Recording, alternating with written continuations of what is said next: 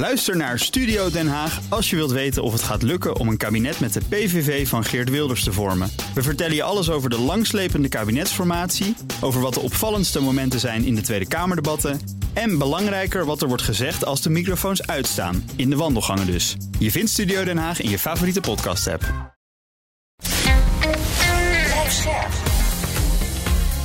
BNR Nieuwsradio. Boekenstein en de Wijk.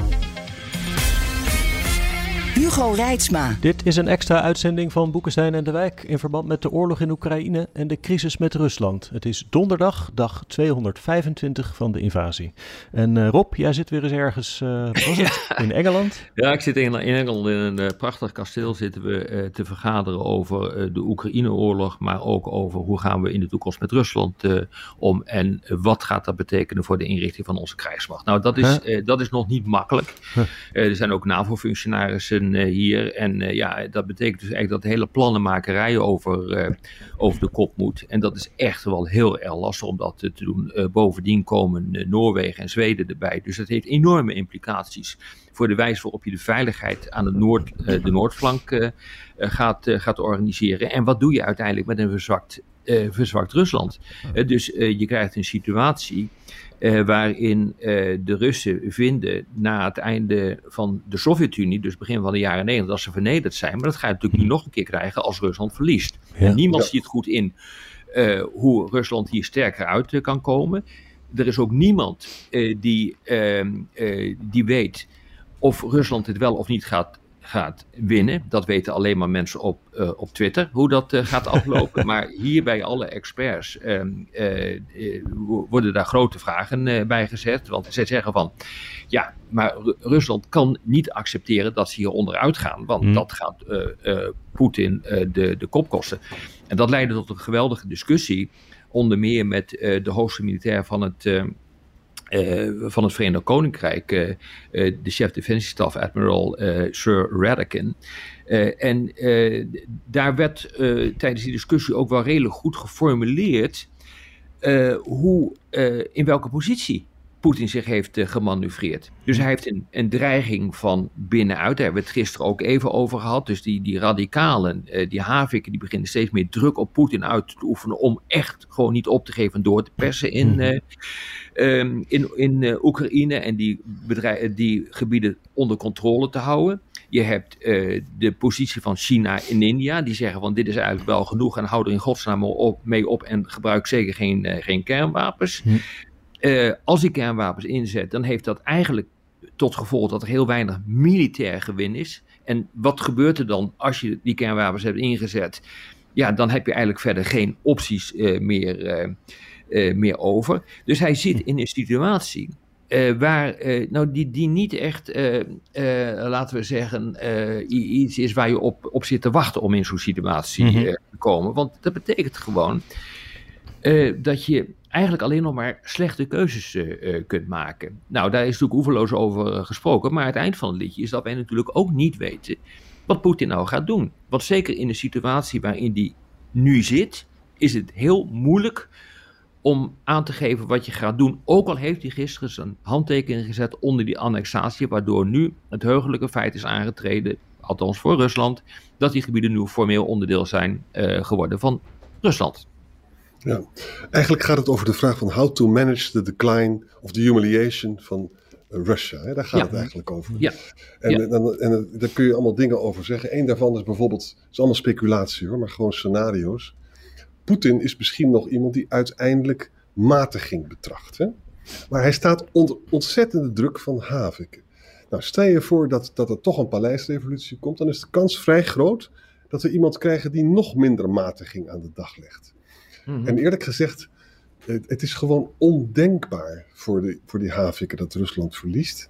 Dus dat er op een gegeven moment escalatie gaat plaatsvinden, staat bijna in de sterren geschreven. Maar dat is interessant hoor wat je zegt, want realiseer dat Poetin voortdurend zegt: wij zijn vernederd door het Westen. We zijn vernederd omdat ze de NAVO hebben uitgebreid, de Europese Unie hebben uitgebreid. Ze, zijn, ze steunen die zogenaamde kleurenrevoluties, zeg maar, die democratische revoluties uh, langs de grenzen van, uh, van Rusland. Ze voeren uh, militaire operaties uit zonder dat er een mandaat aan de grondslag van de Veiligheidsraad. Hè?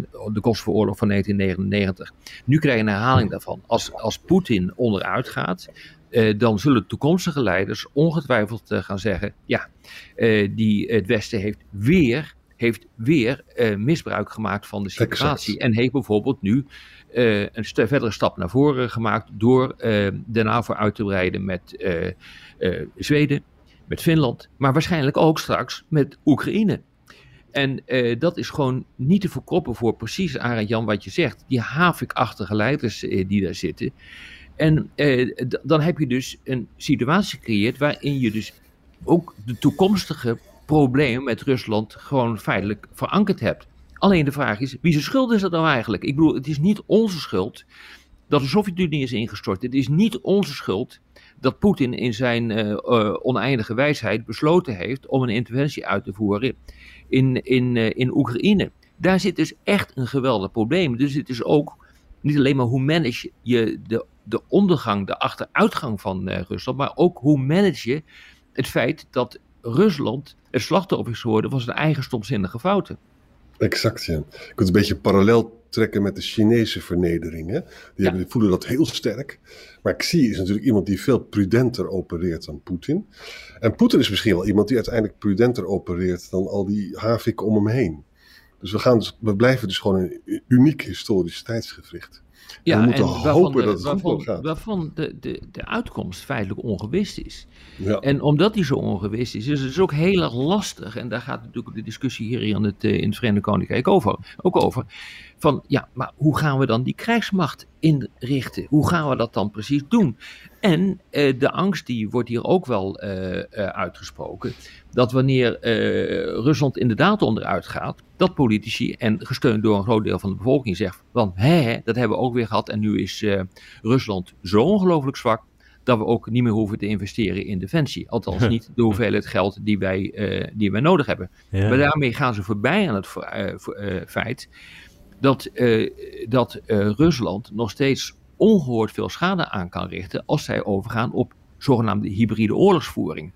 Ja. En daarvan hebben we natuurlijk een voorproefje gezien wat dat kan betekenen. Dat heeft te maken met, uh, met het, het, verspreiden van desinformatie, het naar je toetrekken van pro-Russische uh, krachten, die we ook in de Tweede Kamer hebben zitten, uh, maar ook bijvoorbeeld aanslagen op je vitale infrastructuur. He, nu ja. ga ik er gemaks even, uh, gemakshalve even vanuit dat Rusland achter de aanslagen zit op, uh, op de pijpleiding, Nord Stream 1 en 2.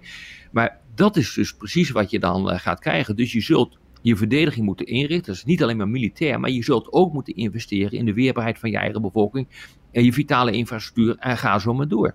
Het is heel goed dat je die pijplijn noemt. Hè? Want wat, mij opvalt is dat als je met mensen uit India praat of China, die zijn er allemaal van overtuigd dat de Amerikanen het hebben gedaan. Hè? Ja. Gisteren had je dus uh, professor, uh, uh, hoe heet hij ook alweer, die jonge Jeffrey Sachs. Hè? Die, die, die, die loopt het ook allemaal te beweren, er zitten de Amerikanen achter. Dat is natuurlijk allemaal ook Russisch belang. Hè? Dat, dat, ja. dat, zo de wereld verdeelt.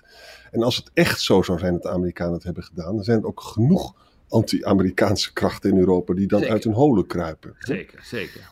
Maar goed, is, een eenvoudige oplossing hier is er niet, behalve natuurlijk uh, van Elon Musk, die op uh, Twitter schreef: um, drie punten en dan is klaar. Geen erkenning van de annexatie, Krim bij Rusland plus um, uh, de watervoorziening die gegarandeerd moet worden en Oekraïne neutraal. Nou, klaar. Nou ja, ja, weet je, uh, het grappig natuurlijk dat de rijkste man uh, van de wereld zich hier aan het, uh, tegenaan aan het bemoeien is. Maar hmm. dat gaat natuurlijk wel echt voorbij aan de situatie zoals die zich op dit ogenblik voltrekt. Exact. Het is spannend, jongens. Het blijft heel erg spannend. En met name de komende weken, komende zes weken, is de bedoeling dat de Oekraïne nog veel verder uh, doorgaat, omdat ze nu de kans hebben. Ja. Maar we weten niet of, ik weet niet of dat lukt. Ik weet dat niet. Je kan dat niet inschatten. Niemand weet het. Nee, niemand weet ja. het. Dat is het hele punt. Uh, als ik uh, naar mensen als generaal Hodges luister, dan is dat allemaal te doen. En zal Rusland eigenlijk voor het eind van het jaar zijn teruggedreven tot aan de grens van, van de Krim. En dan zal volgend jaar de Krim worden aangepakt. Maar ik, hij, hij staat daar, moet ik zeggen, bij alle experts die hier aan tafel zitten militairen, mensen van de NAVO, politici, eh, experts, eh, staat hij redelijk alleen. Althans, het, hij zou gelijk kunnen hebben. Maar het heeft meer uh, zeg maar weg als je dit soort dingen voortdurend roept uh, van een pep talk dan dat er echt een grondige analyse uh, aan te grondslageren van de, van de huidige situatie. Niemand die er enige, ja, ja er echt een harde voorspelling durft te gaan doen hmm. waar, dit, waar dit eindigt. En daar hoor ik ook bij. En, en als het wel zou lukken, zelfs ook de Krim hè, met kerst, noem maar wat dan moet er ook een escalatie van Rusland volgen. Dat kan bijna niet anders. Ja. Tjonge, nou.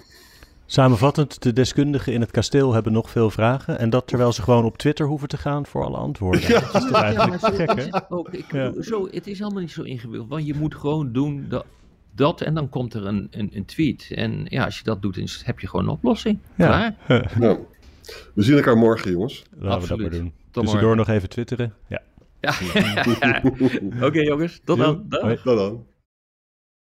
Ook Diana Matroos vind je in de BNR-app. Ja, inderdaad. Je kunt live naar mij luisteren tijdens de Big Five. Ook handig in de BNR-app. Breaking nieuwsmeldingen, maar ook het allerlaatste zakelijke nieuws. En je vindt in de app alle BNR-podcasts, waaronder Wetenschap Vandaag. Download nu de gratis BNR-app en blijf scherp.